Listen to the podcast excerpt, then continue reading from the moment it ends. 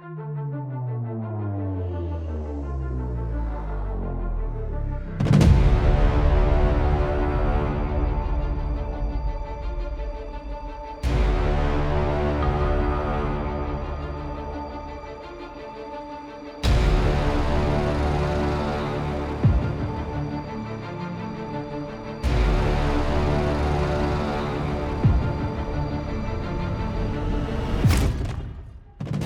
Cześć, witam na moim kanale. Ja mam na imię Piotrek i zapraszam Cię serdecznie do odsłuchania jednego z odcinków mojej audycji pod tytułem Stenogramy zbrodni.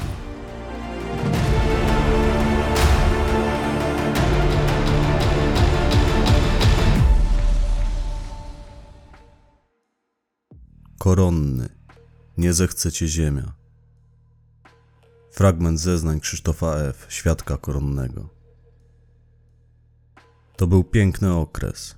Powróciliśmy do sprawowania pieczy nad targowiskiem. Dzięki pozbyciu się pasożyta mogliśmy cieszyć się całością związanych z tym przychodów.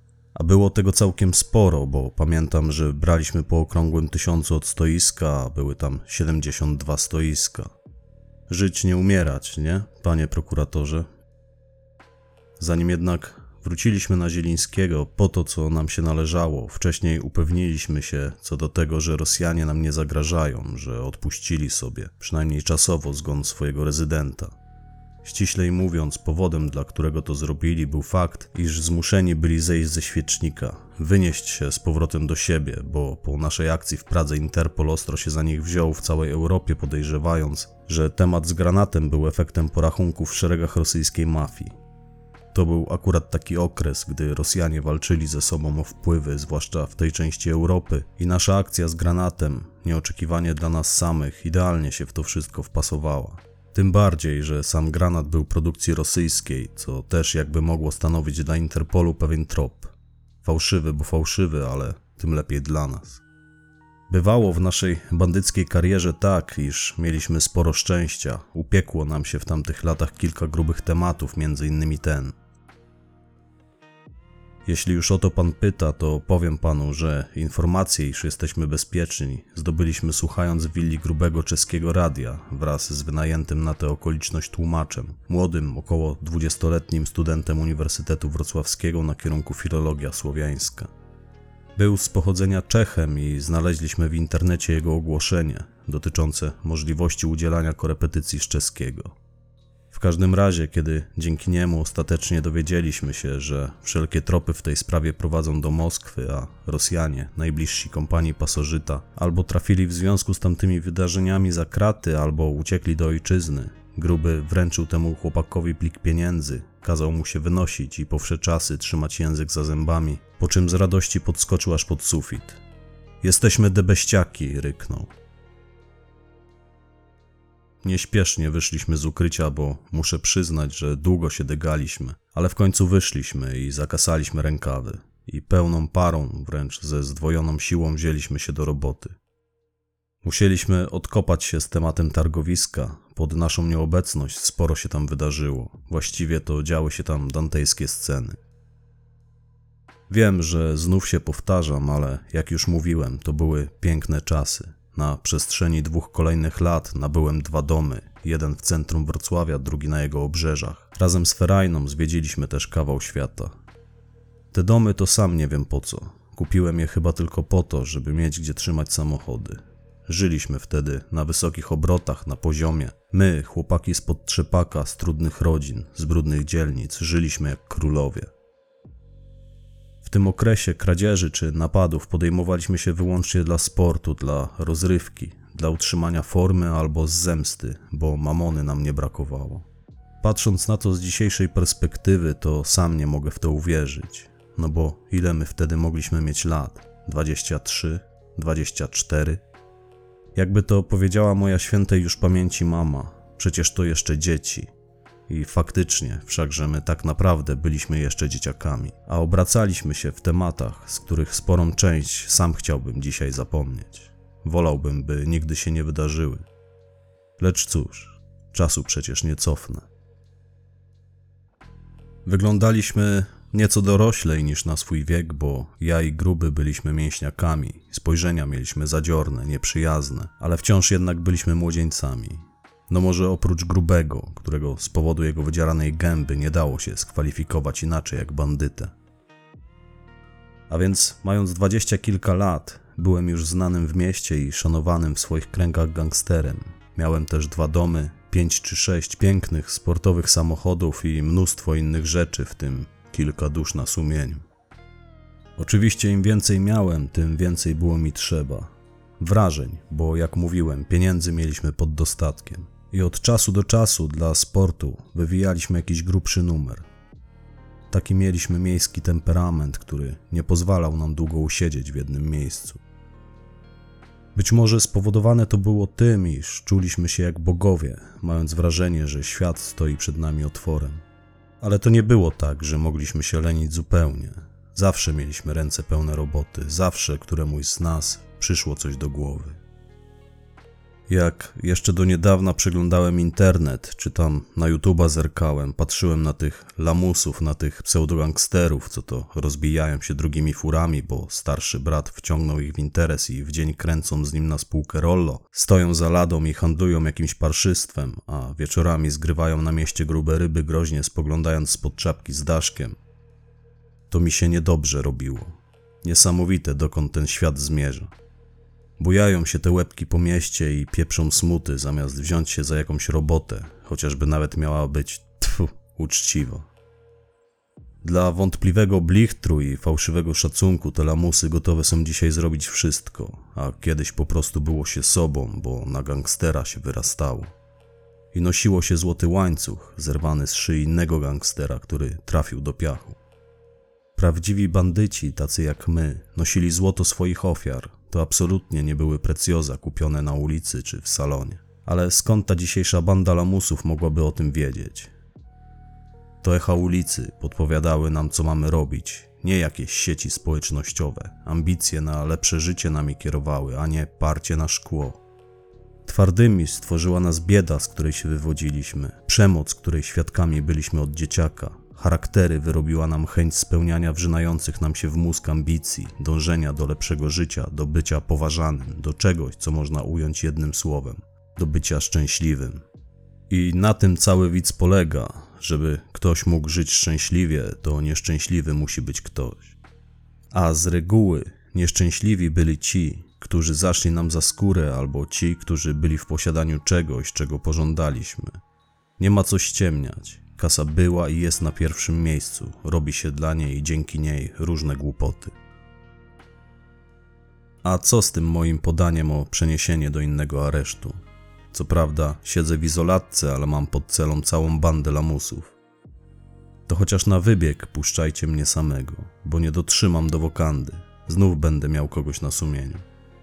Autentycznie niech mnie pan wsadzi do recydywy. Przynajmniej będą mnie otaczali swoi, albo przenieście mnie do innego aresztu, bo jak mi ta frajernia podejdzie na długość ręki, to nie ręczę za siebie. Ja, pogróżki? Nie dostaję żadnych pogróżek. Ktoś panu naopowiadał bzdur, panie prokuratorze. Chcę się przenieść, bo mnie irytują, nie dlatego, że mi grożą. Zresztą do gruźb jestem przyzwyczajony. Wróćmy do tematu, to opowiem panu coś i o groźbach. My naprawdę mieliśmy pewne zasady. Z czasem wypracowaliśmy sobie szereg zasad, których staraliśmy się trzymać, a pierwszą i najważniejszą było to, że byle gówna już się nie chytamy, że koniec z bólem pleców od targania worów z łupami. Więc jeśli już byliśmy chętni podjąć się dodatkowej roboty, to szukaliśmy czegoś łatwego, czegoś, co mocno miało nam się opłacić. Oczywiście my swoje, a życie swoje i nieraz jeszcze przyszło nam dla forsy robić jakieś dziwne rzeczy, Natomiast zwykle preferowaliśmy robotę lekką i przyjemną. Niestety nielegalna robota zwykle do przyjemnych nie należy, więc już w tamtym okresie, mimo młodego wieku, skłanialiśmy się ku temu, by podkreślić swoje jestestwo posiadaniem własnego biznesu. Oczywiście wyłącznie posiadaniem, bo każdy biznes to i tak zawsze sporo roboty, a od tej, jak już wspomniałem, zawsze się migaliśmy. Podbił kiedyś do nas w klubie, w którym lubiliśmy się wtedy pokazywać, brat jego właściciela. Tylko tyle wtedy o nim wiedzieliśmy, bo widzieliśmy go raz czy dwa, że był bratem właściciela. Zwykle nie interesowaliśmy się takimi rzeczami. To właściciele klubów mieli znać swoich gości, nie odwrotnie. I ten facet przedstawił nam się wtedy grzecznie. Powiedział, że ma na imię Leon. Przysiadł się do naszego stolika, nakazał kelnerce donieść kilka butelek alkoholu. I potem od słowa do słowa poprosił nas o pomoc. A miała ona polegać na wsparciu go w negocjacjach z jego bratem, z którym dzielił właśnie biznes na dwie części. Oni mieli sporo wspólnych biznesów. Jak wynikało ze słów Leona, bracia byli współwłaścicielami dwóch knajp w centrum. Posiadali też małą fabrykę chemii pod Wrocławiem, salon fryzjerski przypisany na żonę jednego z nich i klub, który w tamtym czasie szczególnie sobie upodobaliśmy, bo nie należał do żadnego z gangów i można było normalnie się w nim pobawić. To znaczy dziewczyny też w nim były normalne, nie te w typie prowincjonalnych cichodajek, które przy sobocie przyjeżdżały do miasta, szły do klubów, a potem dodając sobie animuszu zakupionym w monopolu tanim browarem, same podbijały do towarów. A gdy już doszło do czegoś więcej, w samochodzie czy też klubowej toalecie żegnały się tekstami w stylu Spotkajmy się jutro, wrócę z kościoła, okąpię się i wsiadam w pociąg. Bo liczyły na to, że kandydata na męża w końcu znalazły wśród gangusów z miasta. Nigdy takich wokół nas nie brakowało, ale osobiście preferowałem nasze dziewczyny wrocławskie. Prowincja zawsze mi nieco zalatywała. W każdym razie, z sobie tylko znanych powodów, ci dwaj panowie mieli zamiar zakończyć ze sobą współpracę, rozstać się biznesowo. I z tego, co Leon nam wtedy wyznał, wynikało, że było to rozstanie bardzo burzliwe, jego brat Michał w przeszłości trzymał sztamę z gangsterami ze śródmieścia, groził mu, że z pomocą dawnych znajomości prędzej go załatwi niż cokolwiek mu odstąpi. Do tamtej pory zdążył spalić mu samochód i kilka razy wystartował do niego z pięściami. Podjęliśmy się wtedy współpracy z Leonem, gdyż był gotów oddać nam część swojego majątku, jeśli tylko przyczynilibyśmy się do tego, że jego brat Michał poszedłby z nim na ugodę i podpisał korzystną dla niego umowę. W sumie to mieliśmy zmusić go, by ją podpisał i sprawić, by potem zniknął, bo Leon szczerze obawiał się jego gruźb. Na tym właśnie miało polegać nasze zadanie. Brat Leona miał podpisać papiery i zniknąć. I zgodziliśmy się wtedy. W zamian za część majątku stanowiącego dole jego brata, za udziały w klubie i w jakiejś fabryce. Dokładnie za połowę udziałów. Oczywiście żaden z nas nie miał pojęcia o prowadzeniu biznesu, o tych wszystkich formalnościach, podatkach itd., tak więc umówiliśmy się wtedy z Leonem, że po tym jak jego brat podpisze nam te papiery i zniknie, a cały majątek trafi w jego ręce, będzie dzielił się z nami wypracowanym zyskiem. Zyskiem z klubu i fabryki. W zamian zaoferowaliśmy mu święty spokój, nietykalność. Mogliśmy to zrobić, bo inne ekipy nie wchodziły nam w drogę, z wiadomego powodu z powodu obowiązującej między nami umowy.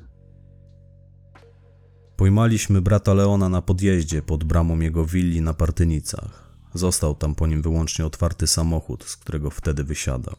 Późniejszą drogę do lasu spędził w bagażniku. Tam wypuściliśmy go, rozwiązaliśmy mu ręce i daliśmy do podpisania dokumenty. Podpisał bez słowa. Kopał sobie swój przyszły grób też bez słowa. Dziwne to było. Nigdy wcześniej ani później nie spotkałem człowieka, który godziłby się w ten sposób rozstać z życiem, w zupełnej ciszy. Wydawało mi się, że będzie milczał już na zawsze, ale w końcu przemówił. Stojąc mniej więcej po pas w tym dole, trzymając w rękach łopatę, odezwał się do nas słowami. Chłopaki, a gdybym zaproponował wam lepszą dolę niż mój brat? Gruby go pyta, co to znaczy lepszą? No, powiedzmy dwa razy tyle, odparł mężczyzna a może nawet trzy. Twój brat obiecał nam bańkę i udział w zyskach, skłamał gruby. Więc ja proponuję dwie bańki, rzucił tamten bez kozery. I oczywiście też wciągnę was do interesu. Przyświeciłem latarką na grubego, spojrzałem na niego. On rzekł: Porządku, wyłaź z tej dziury i jedziemy po twojego braciszka. I pojechaliśmy po naszego zleceniodawcę Leona, którego jego brat Michał wywabił z domu. Zadzwonił do drzwi i pokazał mu się w wizjerze. A kiedy zaskoczony tym, że jego brat żyje, Leon te drzwi otworzył, pochwyciliśmy go tak jak stał, w klapkach i pidżamie i zawieźliśmy obu mężczyzn z powrotem do lasu. Nigdy nie zapomnę, jak Leon błagał tego drugiego o życie, jak go przepraszał. I tamten też już chyba nie mógł tego słuchać, bo w pewnym momencie bardzo brutalnie obił mu gębę, a na koniec zatknął mu w usta knebel. Potem, ni z tego nizowego, aczkolwiek co nie było dla nas jakimś szczególnym zaskoczeniem, doszło między nimi do kolejnych przepychanek, które szybko przemieniły się w zaciekłą bójkę. Oparliśmy się o stojące w pobliżu auto, przez chwilę wszystkiemu się przyglądaliśmy. Rybka odpalił papierosa, otworzył sobie piwo. Niestety nie mieliśmy ze sobą popcornu, a przyznam, że było na co popatrzeć. Oczywiście w kategorii kabaretu. Trwało to dłuższą chwilę. W pewnym momencie chciałem już nawet to przerwać, ale gruby stwierdził: Zostaw, zobaczymy kto wygra. I ostatecznie zakończyło się remisem. Dwaj starsi panowie, jeden w eleganckim garniaku, w który był ubrany, gdy wyjmowaliśmy go z auta, drugi w piżamie, w której wywlekliśmy go z jego domu. Obaj zakrwawieni, utytłani w świeżej ziemi, w końcu się zmęczyli i przysiedli po przeciwległych rogach dziury, w której jeden z nich miał spocząć na wieki. A kiedy złapali oddech, na powrót zaczęli się szarpać i co ważne licytować. Uważnie przysłuchiwaliśmy się temu, co mówili, i ostatecznie bardziej przypadła nam do gustu oferta Leona, więc gruby przystanął za nim, wyjął pistolet, po czym wycelował w jego brata. Powiedział: Przesuń się, zakończę to, bo już staje się to nudne. Ale Leon odepchnął jego rękę. Oznajmił: Schowaj pistolet. Chciał mojej śmierci, więc poniesie karę. Nie podaruję mu tego. Potem podniósł leżący w dziurze szpadel, po czym zaczął nim bezlitośnie tłuc swojego brata. Dużo do tamtej pory widziałem, ale pamiętam, że akurat wtedy odwracałem wzrok. Odchodząc na bok, zauważyłem, że rybka też przymykał oczy i czarek też. Nie tyle te sceny zrobiły na nas wrażenie, co świadomość, że to rodzony brat bratu czyni takie coś w imię szemranych interesów. Leon mocno wtedy zmasakrował tego drugiego. Krew bryzgała na boki, praktycznie odciął mu wtedy głowę. Przynajmniej tak twierdził gruby, bo ja się temu nie przyglądałem. On natomiast był fanem podobnych akcji. Nie twierdzę, że wcześniej czy później nie widywałem podobnych scen, ale po co patrzeć na to, gdy nie trzeba? Śni się to potem człowiekowi po nocach, przypomina się. Ogólnie takie sceny ryją banie, więc gdy nie musiałem, to nie patrzyłem. No chyba, że dotyczyły mnie. Potem Leon z pomocą tego samego szpadla, którym swojego brata ukatrupił, zakopał go w tym dole. Już w zupełnych ciemnościach, bo wyczerpały nam się w latarkach baterie, a szkoda grubemu było energii nowego akumulatora w jego aucie. Cały gruby, na szczęście księżyc tamtej nocy świecił bardzo jasno. Więc ostatecznie przy życiu uchował się Leon, zaoferowawszy nam sporą sumę, jak i udziały w klubie oraz fabryce. O ile klub znaliśmy, wiedzieliśmy, że jest modny i prosperuje bardzo dobrze, to o tej fabryce nie wiedzieliśmy nic. Dopiero kiedy tam pojechaliśmy do podwrocławskich Kobierzyc, wyszło na jaw, że należąca do Leona niewielka fabryka proszku do prania jest w fatalnym stanie. Mówiąc ściślej, to praktycznie była ruina, a najpewniej była też mocno zadłużona. Nie mogąc więc czerpać z jej działalności żadnych korzyści, poczuliśmy się oszukani. Na tyle, że pchnąłem Leona, który był tam oczywiście z nami, na maskę auta, potem brutalnie przywaliłem mu z główki, a kiedy przyklęknął na ziemi, przysłaniając rękoma krwawiący nos, przyłożyłem mu wista do łba. I co powinniśmy teraz z tobą zrobić, oszuście? spytałem. Zaczął od przeprosin, potem wił się jak węgorz, pokrętnie się tłumaczył. Oczywiście kłamał. Byliśmy na niego wściekli na tyle, że wepchnęliśmy go do auta i ruszyliśmy przed siebie w poszukiwaniu miejsca, w którym moglibyśmy go ukarać. Aczkolwiek trochę było nam go szkoda, bo gdybyśmy się go wtedy pozbyli, to stracilibyśmy wpływy z tego klubu, w którym udziały nam obiecał. No ale cóż, takiej zniewagi nie zamierzaliśmy mu wybaczyć. I kiedy tak kręciliśmy się w okolicy Kobierzyc, Rybka podsunął nam niegłupi pomysł, wcześniej rozpytawszy Leona o majątek jego pseudofabryki, o pochodzenie surowców do produkcji proszków. Potem zaproponował, byśmy zabrali stamtąd maszyny, przenieśli je dokądś i sami rozpoczęli produkcję proszku do prania i płynu do płukania.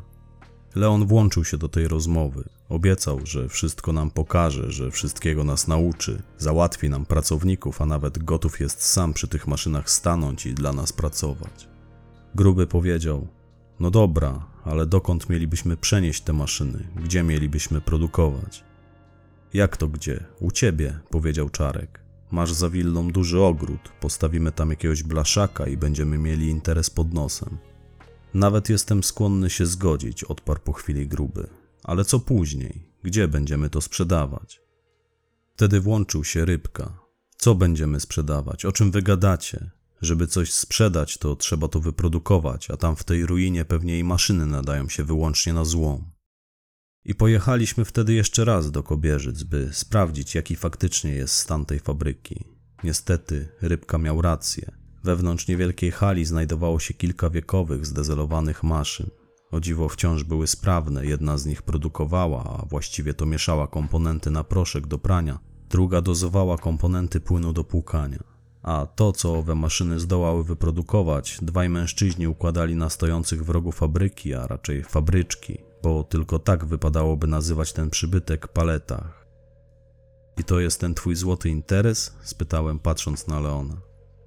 Ale to naprawdę jest złoty interes, panowie. To znaczy, był, dopóki nie pozwoliłem trzymać nad nim pieczy swojemu bratu. Nie miał głowy do biznesu, zadłużył i fabrykę, i nas obu. Teraz, dzięki waszej pomocy, zamierzałem przywrócić to miejsce do dawnej kondycji, odkuć się, ale już chyba nic z tego. Możesz sobie ten złom zatrzymać, włączył się gruby. Po jego głosie wywnioskowałem, że czuje się mocno zawiedziony i że Leona niechybnie czeka kara. Ale kiedy wychodziliśmy stamtąd z posępnymi minami, przyszedł mi do głowy pewien pomysł. Pomysł na pierwszy biznes. Mówię do chłopaków: Ej, mordy, a gdybyśmy kupili sobie takie maszyny, może to faktycznie jest złoty interes. Jest, naprawdę, jak bum cyk cyk, wtrącił się Leon, bijąc się w piersi. A więc kupisz nam takie maszyny, nowe, powiedział gruby po chwili zastanowienia.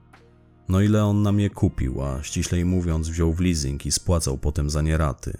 Mało tego, gruby zażyczył sobie też zadośćuczynienia za kłamstwo, którym nas obdarzył licytując się z bratem. Wtedy bowiem oznajmił, że fabryka prosperuje doskonale. I gruby zmusił Leona, by ten wziął mu z salonu najnowszy model Mercedesa na firmowe raty, które też potem spłacał. Jeszcze kiedy byliśmy w tej fabryce, na odchodnym stamtąd spytałem, gdzie chcesz te maszyny trzymać? Będziemy przecież musieli wynająć jakąś halę. Żadna hala nie będzie nam potrzebna. Zgodnie z tym, co zaproponował Czarek, mam przecież z tyłu willi ogromny sad. Wytnie się drzewa, postawi się tam jakiegoś blaszaka. Będziemy mieli interes cały czas na oku. No i git, odparłem. Mi pasuje. Chociaż raz gruby zapodał pomysł, który od razu przypadł mi do gustu. Dla jasności, panie prokuratorze, dodam, że oczywiście nie zamierzaliśmy produkować proszków czy płynów pod jakąś swoją marką, bo to nie miałoby najmniejszego sensu. Postanowiliśmy, tak jak Leon z jego bratem, podrabiać produkty wiodącego w tamtym czasie producenta, który stale reklamował się w telewizji, by oczywiście mieć darmową reklamę. To właśnie w ten sposób dorobili się oni majątku, więc i my postanowiliśmy pójść w ich ślady. I kiedy pierwsza partia naszego proszku schodziła, że tak powiem, staśmy, zapakowaliśmy wszystko do opakowań i kartonów łudząco przypominających oryginalne. To znaczy, zrobili to ludzie Leona, których zatrudniliśmy u siebie. Potem wystarczyło znaleźć dla tego wszystkiego źródło zbytu, a jako że targowisko na Zielińskiego praktycznie należało do nas, nie nastręczyło nam to szczególnych trudności. Rozdystrybuowaliśmy nasze proszki i płyny wśród wszystkich, którzy zajmowali się handlem artykułami gospodarstwa domowego. I nie tylko, bo bardzo nam zależało, by towar szybko się rozchodził. Tak więc naszym proszkiem handlowali wtedy na Zielińskiego prawie wszyscy, od pana Janka Pucybuta poczynając, a na właścicielach stoisk z mięsem kończąc. A jeśli ktoś nie chciał sprzedawać naszego towaru, to i tak nakładaliśmy na niego obowiązek kupowania od nas tych proszków. Chcesz u nas handlować? Musisz regularnie kupować nasz proszek. Takie ustaliliśmy zasady. Ale postawił nam się wtedy jeden typ, który handlował złotem i bursztynem, w sporej mierze trefnym. Powiedział, że on się chemią nie zajmuje i nie będzie sprzedawał żadnych proszków. I jeśli chcemy je sprzedawać, to powinniśmy zatrudnić sobie domokrążców. W sumie to niewiele o nim wtedy wiedzieliśmy, chyba tylko tyle, że przeniósł się do Wrocławia z Gdańska, bo tam spotkały go jakieś kłopoty, czyli de facto mógł w przyszłości być bandytą, podobnie jak my. Mówię do niego: Facet, ty nie rozumiesz. Gówno nas obchodzi profil twojej działalności. Albo podobnie jak reszta postawisz sobie gdzieś z boku te nasze proszki i będziesz je sprzedawał, albo wypierdalasz. A on powiedział do nas, sami wypierdalajcie. No i się doigrał. Wzięliśmy go tak jak stał. Opierał się dość żwawo, więc najpierw został srodze skopany, potem ciągnęliśmy go za nogi przez cały bazar, by następnie zapakować do bagażnika i wywieźć do lasu pod Sobótkę. Darł się na tym bazarze w niebogłosy, ale nikt nie zrobił nic. Wszyscy odwracali wzrok. Znali nas i wiedzieli, że to kolejny, który wypierdala, bo podobne akcje zdarzały się nam już wcześniej. Jak tylko komuś się nie podobała współpraca z nami, to wyciągaliśmy go siłą poza teren bazaru, a cały jego towar przepadał. Taki był koszt zerwania z nami współpracy. Dlatego nawet ci, którzy kręcili nosem na to, że muszą płacić nam za opiekę, siedzieli cicho i nie wyściubiali nosa poza swój stragan. Taka specyfika tej roboty. Na bazarze trzeba wszystkich trzymać silną ręką. Tam, w tych lasach pod Sobótką, a właściwie to pod Ślężą, zrobiliśmy temu facetowi kulik. Nic wielkiego mu się nie stało, bo ciągaliśmy go po ziemi, nie po asfalcie. Potem zostawiliśmy, żeby przemyślał swoją decyzję. Ale nie przemyślał i kilka dni później jego stoisko stało już puste. Wynajęliśmy je potem jakiejś kobiecie, która akurat zamierzała handlować chemią. Oczywiście bardzo szybko częściej towaru zastąpił nasz towar i akurat ona nie zgłaszała żadnych pretensji. Cieszyła się z możliwości współpracy z nami.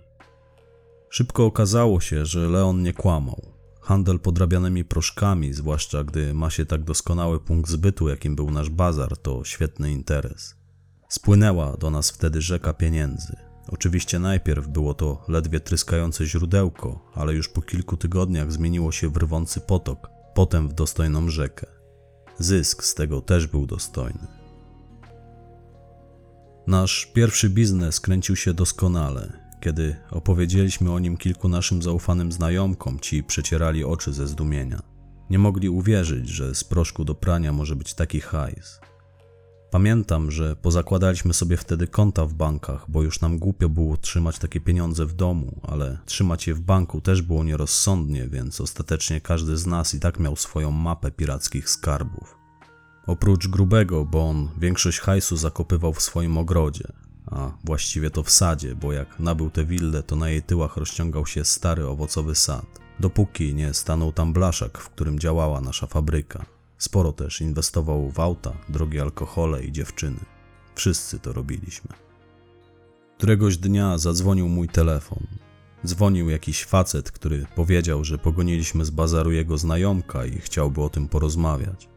Powiedziałem, że nie mamy z nim o czym gadać, bo bazar należy do nas i z każdym możemy robić co chcemy, ale on odparł, że zadarliśmy z niewłaściwymi ludźmi i jeśli nie przyjedziemy się wytłumaczyć, to czeka nas kara. Mówię do typa: Ty, zważaj na słowa, bo chyba nie wiesz, do kogo gadasz. To ty zważaj teraz na siebie, powiedział, po czym się rozłączył. Oczywiście zapodałem o tym chłopakom, oznajmiłem im, że było to trochę niepokojące, ale byli zbyt zajęci własnymi sprawami, by mnie nie zignorować. Gruby powiedział: To pewnie ten leszcz, którego wywieźliśmy do Sobótki, nie warto zawracać sobie nim głowy. I w natłoku codziennych spraw zapomnieliśmy o tym telefonie. A szkoda, bo powinien on wzmóc naszą czujność. I właśnie jakoś wtedy Rybka obchodził swoje urodziny. Imprezę postanowił zorganizować w klubie Leona, którego zgodnie z umową staliśmy się współwłaścicielami. To była ciepła sobotnia noc. Klub na naszą prośbę był zamknięty. W jego wnętrzu, dokładnie na sali znajdującej się na piętrze, Rybka urządził imprezę. Ludzi było dość sporo, w szczególności dziewczyn, które, jak już wspominałem, uwielbiały bawić się w jego towarzystwie.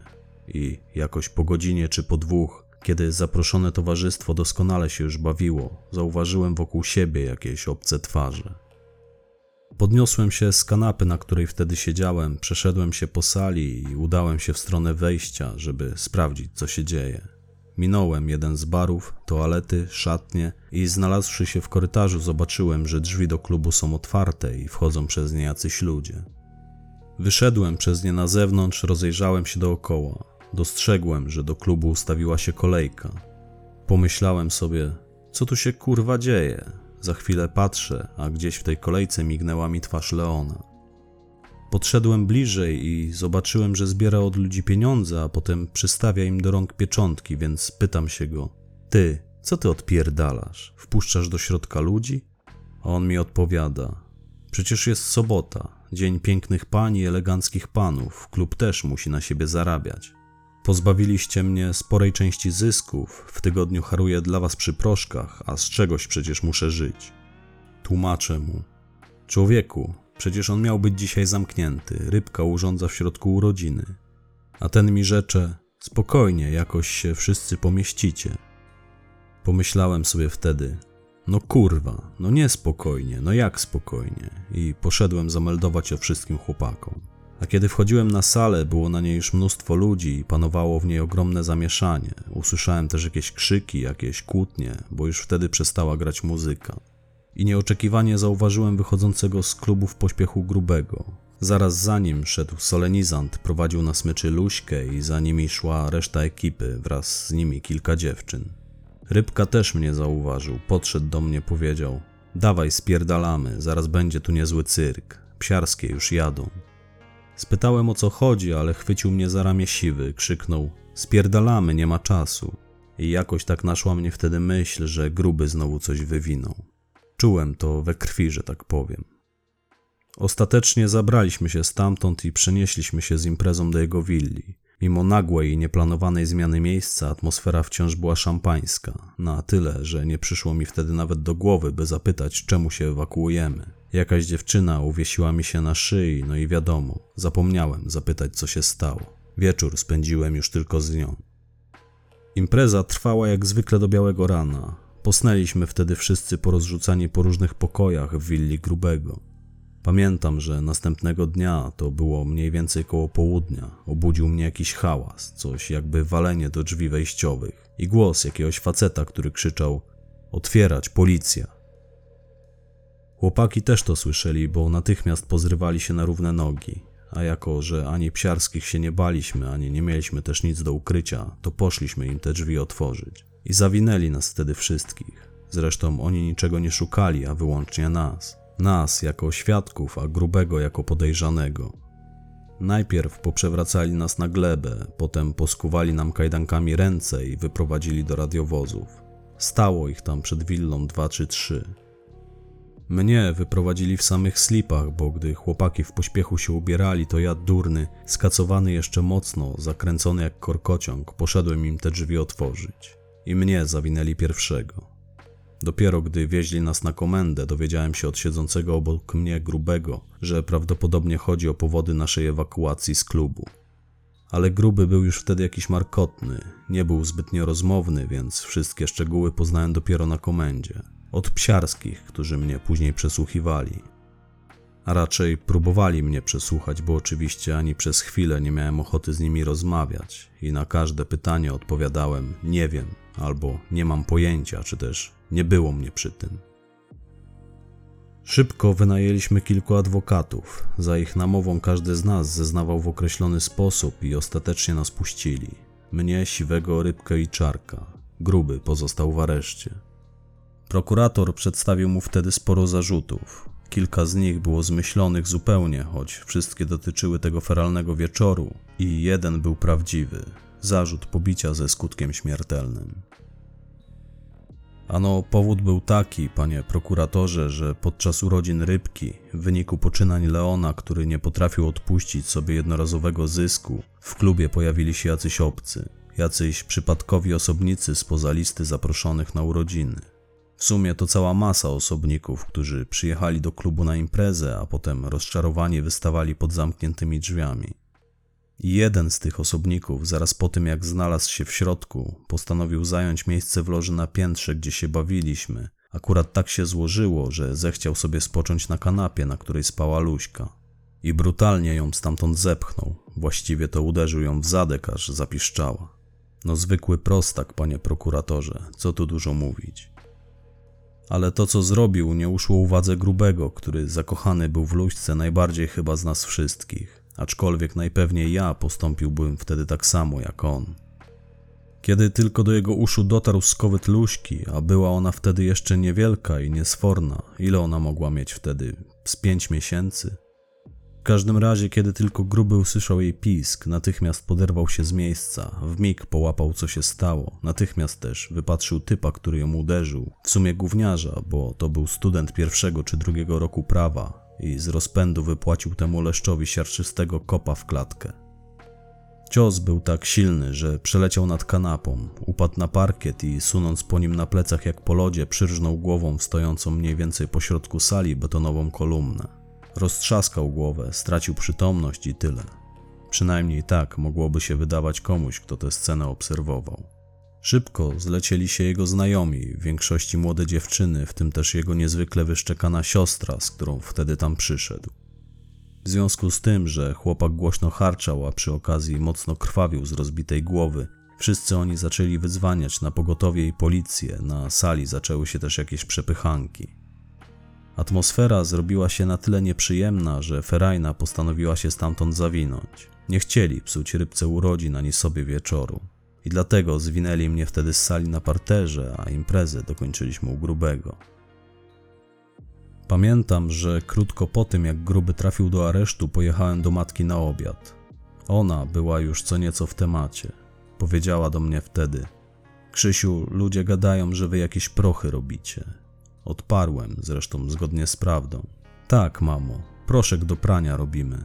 Ten, którego ci dzisiaj przywiozłem pięć opakowań. Spokojnie możesz go sobie używać, możesz na nim prać. To prawdziwy proszek, tylko akurat nie tej marki, która widnieje na opakowaniu. Natomiast to nie ma najmniejszego znaczenia. Dobrze się w nim pierze i tyle. A ludzie niech sobie gadają. Ja się tym nie przejmuję. Matka chwilę milczała, potem znów się odezwała. A Łukasz? Łukasza za co posadzili? Jeszcze go nie posadzili, mamo. Postawili mu zarzuty i czeka na rozprawę. Wtedy przybliżyła się do mnie z krzesłem, na którym siedziała. Nic tego, nic owego powiedziała do mnie. Jest tu jeden taki u nas na podwórku, co twierdzi, że śmierć Roberta widział. Jak go wieszali, znaczy. Powinieneś może z nim porozmawiać. Przestałem jeść, podniosłem łeb, spytałem z niedowierzaniem. Kto? Kto taki mamo? Jaćki z góry syn, tej co mieszka nad nami, nade mną znaczy. Ten Szymon? Tak, ten Szymon, ten piłkarz. Przyznał się kiedyś Jaćce, że z okna wszystko widział, a mnie ona o tym powiedziała. Co widział, mamo? A ja nie wiem, co widział, odparła moja matka. Być może też tylko gada, bo szczegółów Jadce żadnych nie podał. Porozmawiam z nim w takim razie, stwierdziłem, jak tylko znajdę wolną chwilę. Mam teraz co innego na głowie. Poza tym, dla mnie ta sprawa jest zamknięta. Winni zostali już ukarani. Powiedziałem i na powrót wziąłem widelec do ręki. Moja matka spuściła głowę, przez moment milczała. Potem położyła swoją ciepłą dłoń na mojej dłoni. Trzęsła jej się ta dłoń. Dziś wiem, że to były już początki Parkinsona, choroby, która w późniejszym czasie w znacznym stopniu przyczyniła się do jej przedwczesnej śmierci. Proszącym tonem powiedziała do mnie wtedy: Nie czyń ludziom zła, Krzysiu, bo zobaczysz, nie zechce cię ziemia. A ja nie byłem w stanie dalej tego słuchać. Wiedząc, że czeka mnie kolejne kazanie, odsunąłem od siebie talerz, wstałem od stołu i wyszedłem. Nie pojawiłem się u niej przez kolejnych kilka miesięcy. Kiedy tylko grubemu postawili zarzuty, podjęliśmy sporo wysiłków, by postarać się zmienić zarzut pobicia ze skutkiem śmiertelnym na udział w bójce. Próbowaliśmy zrzucić temu zmarłemu chłopakowi trochę winy na jego barki, tak by grubemu już na starcie groził mniejszy wyrok, by było go z czego wybronić. Niestety, po kilku tygodniach starań okazało się, że jesteśmy na z góry przegranej pozycji, że przez lata trwaliśmy w jednym szczególnie krytycznym dla nas błędzie. Otóż nie zadbaliśmy nigdy o to, by mieć swoją papugę, takiego adwokata z prawdziwego zdarzenia, takiego, który lubi pieniądze i zna kogo trzeba. Znaczy, powód, dla którego w przeciwieństwie do innych ekip nigdy nie mieliśmy takiego adwokata, nie był dla nas tajemnicą. My go nigdy nie potrzebowaliśmy, z reguły pilnowaliśmy się na tyle, że wszystko uchodziło nam płazem. No niestety, nie tym razem. Więc jeździliśmy od kancelarii do kancelarii, staraliśmy się z pomocą adwokatów znaleźć jakiś sposób na to, by gruby wyszedł z tego bez szwanku. Każdy z tych śmierdzieli mówił nam: Nie da się, są naoczni świadkowie tego zajścia. A jeden z nich, taki adwokat ze śródmieścia, jak mi się wtedy wydawało najbardziej połapany z nich wszystkich w prawie karnym, powiedział nam w końcu: Nic nie zrobicie i na nic się tu zdadzą wasze pieniądze, bo matka tego chłopaka to prokurator, do tego wysoko postawiona i ona wam nie popuści. Więc spytałem tego gościa: To co mamy zrobić, żeby nasz przyjaciel wyszedł na wolność? A on rzecze: Są dwie opcje. Albo wpłacicie za niego kaucję, gdy ta już zostanie ustalona, co jest mało prawdopodobne, bo mamusia ofiary pewnie o to zadba, a potem będziecie odwlekać wokandę bez końca, aż sprawa ulegnie przedawnieniu, co jak przed chwilą powiedziałem, raczej się nie wydarzy, bo musielibyście podkładać ogień pod budynek każdego sądu, do którego ta sprawa będzie trafiać. Albo, wtrąciłem, albo doprowadzicie do sytuacji, kiedy świadkowie zeznają na wokandzie, że to nie Łukasz kopnął tego chłopaka, kiedy odwołają swoje poprzednie zeznania i powiedzą przed sądem, że wtedy się pomylili, a dziś są pewni, że zrobił to ktoś inny. A najlepiej by było, gdyby podali jeszcze rysopis tego osobnika, który zupełnie nie pasowałby do waszego przyjaciela. I co wtedy? spytał Czarek. Adwokat rzekł: Przecież powiedziałem, wasz przyjaciel będzie wolny. I w tym momencie poczułem, jak na rękach rośnie mi gęsia skórka. Taka bandycka eureka, panie prokuratorze. Wstałem, powiedziałem. To jedyna opcja? Tak, odparł adwokat. No i chuj, więc tak właśnie będzie. Oznajmiłem, po czym opuściłem jego kancelarię, a chłopaki wyszli stamtąd zaraz za mną. Więc istniała nadzieja. Tym bardziej, że Czarkowi dzięki jego dawnym znajomościom udało się kupić kopię akt tamtej sprawy. Mało nas ona nie kosztowała, bo człowiek, który wyniósł te akta z budynku prokuratury, był jej pracownikiem, profesorem prawa, szychą w prawniczej hierarchii i sporo ryzykował. Ale opłaciło się. Dzięki tym papierom poznaliśmy zarówno treść zeznań, jak też nazwiska i adresy osób, które je złożyły. Co oczywiste, wpadliśmy wtedy na genialny pomysł, by się tych osobników, a było ich pięcioro, zwyczajnie pozbyć ale nawet gdybyśmy to zrobili, to ich stare zeznania wciąż obciążałyby grubego. Nie muszę też chyba tłumaczyć, że zniknięcie pięciu świadków w jednej sprawie to był bardzo tłusty temat. Zbyt tłusty, by się go podjąć. Psiarskie dobrałyby się wtedy do nas w pierwszej kolejności. Postanowiliśmy więc działać tak, jak przykazał nam adwokat. Zamierzaliśmy namówić świadków do zmiany zeznań. Początek był nawet łatwy, bo to była gównażeria, osobnicy mniej więcej w naszym wieku, studenci, którzy na widok wycelowanej w siebie lufy natychmiast doznawali olśnienia i kolejno jak jeden mąż zgodzili się zmienić swoje zeznania. Końcówka była trudniejsza. Mieliśmy problem ze świadkami numer 4 i 5, siostrą zmarłego jej narzeczonym. Szanowną siostrunię, studentkę zaocznych studiów prawa, nękaliśmy przez kolejnych kilka tygodni. Zaczęliśmy anonimowo, żeby nie nadała na nas swojej matce, chociaż nie mieliśmy złudzeń, że się nie domyśli, kto się z nią kontaktuje. Liczyliśmy na to, że szybko pęknie, że się złamie i zgodzi zmienić zeznania po dobroci. Potem, gdy to nie przyniosło żadnych rezultatów, dzięki znajomościom rybki odszukaliśmy ją na uczelni, na Wydziale Prawa. Wyczekaliśmy pod budynkiem, aż skończy zajęcia i wyjdzie na zewnątrz. A kiedy pojawiła się w zasięgu naszego wzroku, wysiadłem z auta i zwyczajnie ruszyłem za nią, by z nią porozmawiać, by przemówić jej do rozsądku.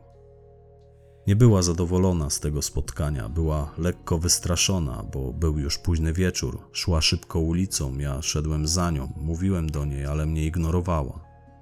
Bardzo nie lubię, jak ktoś mnie ignoruje, więc w końcu chwyciłem ją za ramię, obróciłem ku sobie. Powiedziałem wtedy: Dziewczyno, musisz postarać się zrozumieć, że my nie cofniemy się przed niczym. A ona wyrwała mi się i ponownie ruszyła przed siebie. Twarda suka, ale na jej miejscu pewnie zachowałbym się tak samo, pomyślałem, patrząc na nią przez szybę, kiedy nasze auto mijało ją na moście uniwersyteckim. I zaraz po tym rzekłem do siwego: Zwolnij i zawracaj. Rozejrzałem się wtedy wzdłuż mostu w obu kierunkach. Było już dosyć późno, mróz był srogi, wszędzie leżało sporo śniegu. Miasto było opustoszałe, w tamtym momencie nikt tamtędy nie przejeżdżał, nikt oprócz niej tamtędy nie przechodził. Wjedź w nią, powiedziałem do siwego. Co? Co ty gadasz? Zdziwił się. Rób co powiedział, ponaglił go czarek. No jedź, kurwa, na co czekasz? dodałem. Siwemu szkoda było auta, ale oczywiście nas posłuchał. I kiedy ta drobna blondynka już przeleciała nam przez maskę, przyturlała się po dachu naszego BMW i upadła na chodnik, wysiadłem i ruszyłem w jej kierunku. Krwawiła, miała pokiereszowaną głowę, była poobijana, ale przytomna. Leżała pośrodku chodnika, wykrzywiając twarz w grymasie bólu, aczkolwiek z tego co wiem, nic szczególnego jej się wtedy nie stało. Nie pękła jej nawet jedna kosteczka. Była zima i miała na sobie grubą puchową kurtkę, do tego sama była bardzo szczupła i pewnie też bardzo lekka. Z pewnością pomogło jej to uniknąć jakichś szczególnych obrażeń. Ale nam nie zależało na jej obrażeniach. To tak właśnie miało wyglądać, to miała być zwykła nauczka, nie wyrok. Przyklęknąłem wtedy przy niej, wyjąłem z kieszeni pistolet, przyłożyłem go do jej głowy. Już wtedy była mocno przerażona, zupełnie inaczej na mnie patrzyła. Czułem, że nie będzie w stanie wypowiedzieć ani słowa. Mrugnij dwa razy, jeśli w końcu do ciebie dotarło, oznajmiłem. A jeśli tego nie zrobisz, to za chwilę zamknę ci te oczy na zawsze. I mrugnęła, więc schowałem pistolet, wsiadłem do auta i zmyliśmy się stamtąd. Samo auto, choć było to jedno z kolekcji aut siwego, jeszcze tej samej nocy odwieźliśmy lotkowi. Ten podreperował je, wymienił przednią szybę, przemalował, poprzebijał numery i pogonił w Polskę. I kiedy myśleliśmy, że już jest praktycznie po sprawie, że jesteśmy na wygranej pozycji, odezwał się do nas narzeczony tej dziewczyny. Napisał SMS na numer, z którego wysyłaliśmy jej wcześniej groźby. Nieopatrznie wciąż mieliśmy komórkę z tym numerem. Czarek miał się jej pozbyć, ale o niej zapomniał. Dostał potem od nas ostrą zjebkę i pozbył się tego telefonu natychmiast, ale być może tak właśnie miało być. Chłopak tej dziewczyny był silnie rozemocjonowany, groził nam i całemu światu odpowiedzialnością karną, rzucał paragrafami i tak. Studencik pierwszego czy drugiego roku prawa. Więc wypożyczyliśmy go sobie już następnego dnia. Podjęliśmy go spod drzwi szpitala na Borowskiej, bo akurat wychodził z odwiedzin u swojej narzeczonej. Posadziliśmy go na tylnym siedzeniu między nami. Myślałem, że będzie mądrzejszy, ale nie był. Był zwyczajnie głupi i zgrywał na pokaz cwaniaka. Mówię do niego: Czego ty chcesz, leszczu? Pieniędzy? A może zwyczajnie chcesz się dowiedzieć, jak pachną kwiatki od spodu? Tragedia twojej narzeczonej niczego cię nie nauczyła. I on wtedy wystartował do nas z łapami. Zaczął nimi wymachiwać. Pomyślałem sobie wówczas, że jest jakiś nienormalny, bo kto normalny tak się zachowuje w podobnych okolicznościach, siedząc w aucie pełnym bandytów. Dostał oczywiście od razu po ryju, do którego włożyliśmy mu potem knebel i powieźliśmy go w siną dal. Drogę na Karłowice, na których się ostatecznie znaleźliśmy, pokonałem z myślą, że nie możemy zwyczajnie się go pozbyć, że to będzie już przegięcie, że sprowadzimy tylko na siebie kłopoty, a zresztą on przecież musiał zeznawać, musiał zmienić poprzednie zeznania. My oczywiście mieliśmy już wtedy kilkunastu swoich świadków, sowicie opłaconych i gotowych mówić przed sądem, że to nie gruby przyczynił się do śmierci tego chłopaka, tylko ktoś inny, ale zeznania tego leszcza w dalszym ciągu mogły wszystko popsuć. Dla procesu i wyroku uniewinniającego akurat słowa jego i jego narzeczonej były kluczowe. Wkrótce potem znaleźliśmy się w okolicy mostów trzebnickich, gdzie kilkoma kanałami leniwie płynie Odra, która akurat wtedy pokryta była białą od zalegającego na niej śniegu taflą lodu, ale już na sam jej widok, a raczej na widok stalowego mostu, który się tam rozciąga i zachodzącego na jego tle słońca, przyszedł mi do głowy pewien pomysł. Zjedź z mostu i jedź w stronę rzeki, powiedziałem siwemu.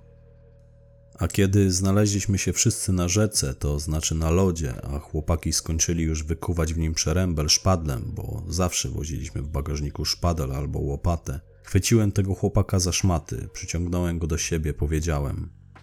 Opowiadałem kiedyś moim przyjaciołom, tym, którzy tu teraz z nami są, o tym, jak będąc dzieckiem wpadłem zimą do starego koryta Odry na Osobowicach.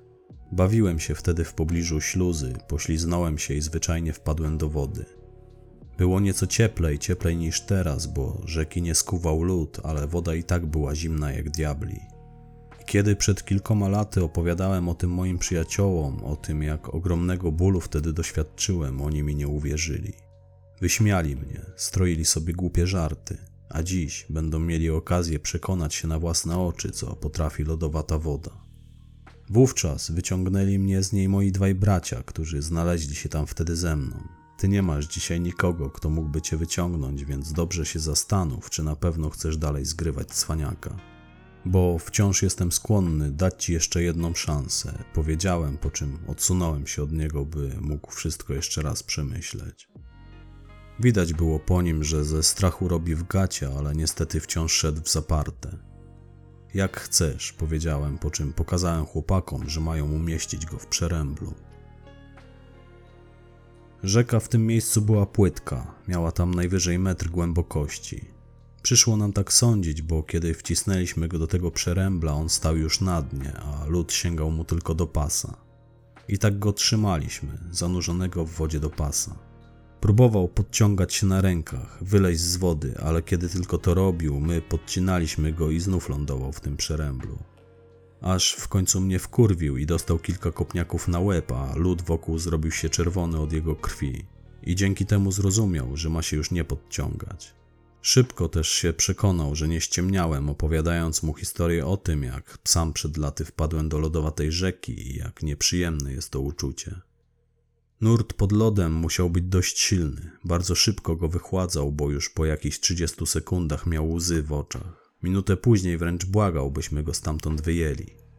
Przyklęknąłem przy nim, powiedziałem: A chuja, nie wyjdziesz. Zdychaj tu teraz albo radź sobie sam, skoro jesteś taki cwany. I poszliśmy stamtąd, zostawiając go w tym przeręblu. Spodziewałem się, że nigdy z niego nie wylezie, bo cały już był zmarznięty, siny, trząsł się cały i ciało miał praktycznie skostniałe. Ale mieliśmy to gdzieś. Wkurzył nas, więc zostawiliśmy go tam, żeby zdechł. I nawet się nim potem już nie interesowaliśmy. Tym większe było moje zaskoczenie, kiedy pojawił się na wokandzie, która odbyła się kilka tygodni później. Wjechał na salę sądową na wózku inwalidzkim, aczkolwiek w związku z odmrożeniami, których się wtedy nabawił, amputowano mu tylko cztery palce. Ktoś go tam znalazł na tej rzece, ja szczegółów nie znam, bo mnie to naprawdę już nie interesowało. Dla mnie jednak najważniejsze było to, że zrozumiał, że dotarło do niego, do czego jesteśmy zdolni, co go czeka, jeśli grubemu klepną wyrok. I zeznał wtedy, podobnie jak jego narzeczona, że to nie gruby zabił tamtego nieszczęśnika, a zapytany przez sędziego o stan swojego zdrowia wyznał, że został kaleką w efekcie swojej nierozwagi. Łowił ryby w przeręblu i nieszczęśliwie do niego wpadł. On i jego narzeczona zgodnie podali nawet nowy rysopis sprawcy, który pokrywał się z rysopisem podanym przez naszych świadków. Widocznie oboje zmądrzeli a matka ofiary, która siedziała pomiędzy córką a przyszłym zięciem, bała się spojrzeć któremukolwiek z nas w oczy. Pewnie ona sama namówiła córkę do zmiany zeznań, bo gdybym był na jej miejscu i stracił w takich okolicznościach syna, to chciałbym chociaż wciąż mieć córkę. To się nazywa rozsądek. Jak już mówiłem, żeby ktoś mógł być szczęśliwy, to nieszczęśliwym musi zostać ktoś. Grubego wypuszczono na wolność wprost z budynku sądu.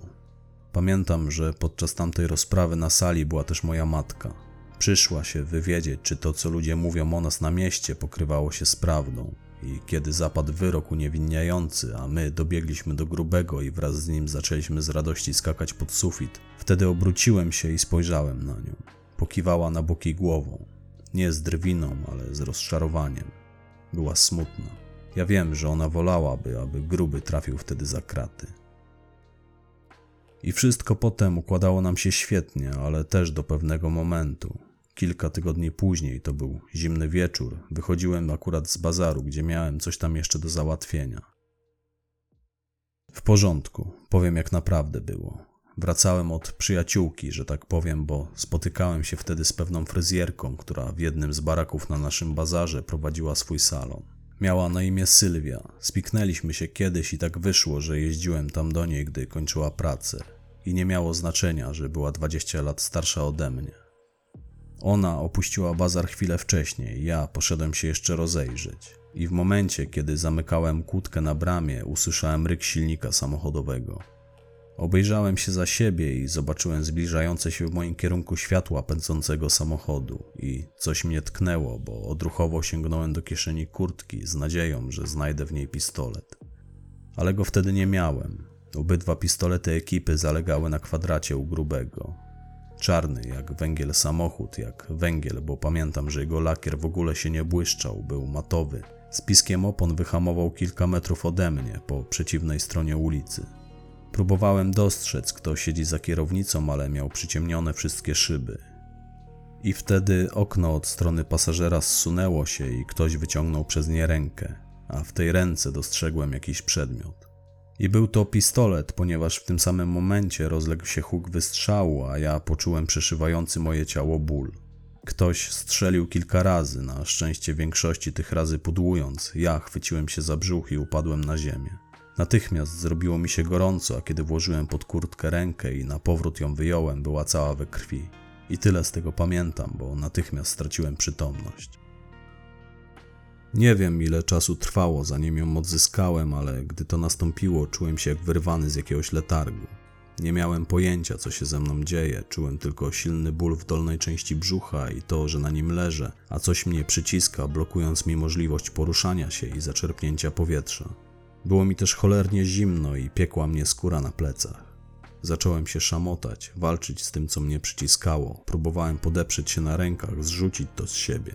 A kiedy mi się udało i poczułem, że odzyskuję oddech, zdałem sobie sprawę, że wygrzebałem się z podziemi. Dosłownie. Zorientowałem się, że jestem w głębokim dole, który musiał zostać wykopany już wcześniej, jeszcze przed zimą, bo mróz wtedy był taki, że dół o podobnych rozmiarach trzeba by było kopać koparką, a pokrywało mnie w nim może 30 cm zmarzniętej na kamień ziemi. I resztkami sił wygrzebałem się spod niej, a wyłażąc z tego dołu natrafiłem na worek wapna i dwa wbite w ziemię szpadle. Przez cały ten czas słyszałem w oddali dźwięki policyjnych syren. Gasnące dźwięki, bo radiowóz, który je wydawał, oddalał się ode mnie. Szczegóły tego, co się tam wydarzyło, poznałem dzięki opowieści gliniarza, który w późniejszym czasie mnie przesłuchiwał. Powiedział mi, że jeden z ich patroli nakrył wtedy na gorącym moich oprawców, to znaczy w momencie, kiedy mnie tam zakopywali, a ci rzucili się do ucieczki. Resztę sam musiałem sobie dopowiedzieć i nie stanowiło dla mnie szczególnego problemu, by uwierzyć w jego słowa, ponieważ w miejscu, w którym mnie pogrzebano, a znam to miejsce bardzo dobrze, bo sam grzebałem ludzi w tamtej okolicy, od czasu do czasu można było spotkać patrole policji i straży miejskiej. Zwłaszcza wieczorem albo w nocy, kiedy przyjeżdżali tam pościemniać na służbie lub też zwyczajnie się przespać. Jak wiadomo, najciemniej jest pod latarnią, więc sporo ekip od zawsze zakopywało tam ciała swoich ofiar. Pamiętam, że wygrzebując się wtedy z tego dołu, bezskutecznie starając się wstać na nogi, myślałem tylko o jednym. Miałem przed oczami scenę, gdy siedzę z matką przy stole, a ona mówi do mnie, że ziemia mnie nie zechce. No i nie chciała mnie ziemia, mamo, i całe szczęście. Dzisiaj stoją tam budynki, znajduje się tam spore osiedle domków jednorodzinnych, ale wtedy był tam tylko zagajnik, a wokół jak okiem sięgnął rozciągały się pola. Wydostałem się jakoś z tego zagajnika, w sumie to wyczołgałem się stamtąd na polną drogę. Zajęło mi to dobry kwadrans i kiedy chwilę później dostrzegłem zbliżające się w moim kierunku światła samochodu, uniosłem do góry rękę. Najwyżej jak potrafiłem. I to były psiarskie. Samochód, który ścigali, zdołał im uciec, więc wrócili w tamto miejsce, by powęszyć. Obudziłem się potem w szpitalnej sali. Miała błękitne ściany i przeszklone drzwi. Oprócz mnie leżało na niej kilkoro pacjentów. Poczułem ogromną ulgę, gdy dotarło do mnie, że żyję i gdzie się znajduję. Podwinąłem niebieski fartuch, który byłem okryty, spojrzałem na swój brzuch. Był siny i nosił dziesięć szwów. Lekarze wyjęli wtedy ze mnie dwie kule. Powoli docierało do mnie, co się stało i to, że będę żył, i natychmiast też naszła mnie myśl, że muszę uciekać ze szpitala. Bo do sali, w której się obudziłem, weszła jakaś kobieta. Ledwo widziałem na oczy, ale jej twarz natychmiast wydała mi się znajoma. Usiadła obok mnie, przez chwilę siedziała w milczeniu. Patrzyliśmy na siebie, ona na mnie jakby z troską w oczach, a ja na nią z przerażeniem. Tak, byłem przerażony bo rozpoznałem w niej lekarkę z karetki, którą w przeszłości uprowadziliśmy. To była Iwona, panie prokuratorze. Ubrana inaczej, bo nie w żółty strój ratownika, tylko w biały lekarski kitel, ale to była właśnie ona. Podrywałem się z łóżka, wyrwałem z siebie wszystkie te igły i rurki, rozejrzałem się za jakimiś butami, zwyczajnie chciałem uciec, ale ona mnie przytrzymała, przycisnęła mi głowę do poduszki, oznajmiając: Leż i odpoczywaj i nie martw się, nikomu o tobie nie powiedziałam. Potem wcisnęła mi do ust jakąś tabletkę, przyłożyła mi do nich kubek z wodą i kazała ją popić, a na koniec wyjęła z kieszeni mój sygnet z logiem Batmana i położyła go obok mnie na łóżku. Następnie wstała i bez słowa wyszła z sali. W głowie kołatała mi tylko jedna myśl: uciekaj stąd, człowieku, wiej nawet za granicę albo trafisz za kraty. Ale natychmiast też odpłynęły ze mnie wszystkie siły, więc tylko wolno obróciłem się na bok i przymknąłem oczy.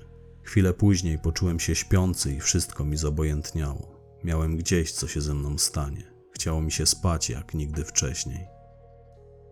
Pamiętam, że przyśniła mi się wtedy moja śmierć. Nie w wyniku postrzelenia, tylko z powodu tego, że spadłem z dachu wysokiego budynku. Spadłem na ziemię na podwórzu, na którym się wychowywałem, obok trzepaka, którego też już wtedy nie było. I kiedy umarłem, wyleciała ze mnie dusza i popędziła ku niebu. To znaczy ja wyleciałem ze swojego ciała i błyskawicznie pofrunąłem do góry. Pamiętam, jak ogromny smutek odczułem, patrząc, jak oddalam się od ziemi.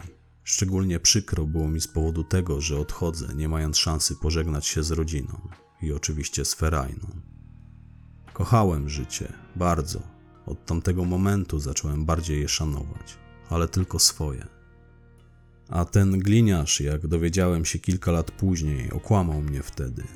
To, że policja trafiła na mnie w tym zagajniku, to nie był przypadek. Byliśmy już wtedy pod obserwacją Wydziału Kryminalnego, ja oczywiście też. Śledzący mnie wówczas policjanci byli świadkami ataku na mnie, potem pojechali za sprawcami aż do zagajnika i w pewnym momencie moi oprawcy zorientowali się, że są obserwowani. Porzucili mnie w tym dole i wzięli nogi za pas. Po tamtych wydarzeniach została mi spora blizna na brzuchu i blizny na plecach po oparzeniu wapnem. A prawdę o tych wydarzeniach poznałem przy okazji jednego ze śledztw, które toczyły się wobec mnie. Ale o tym opowiem panu innym razem. Dziś jestem już zmęczony, chciałbym móc wrócić już do celi.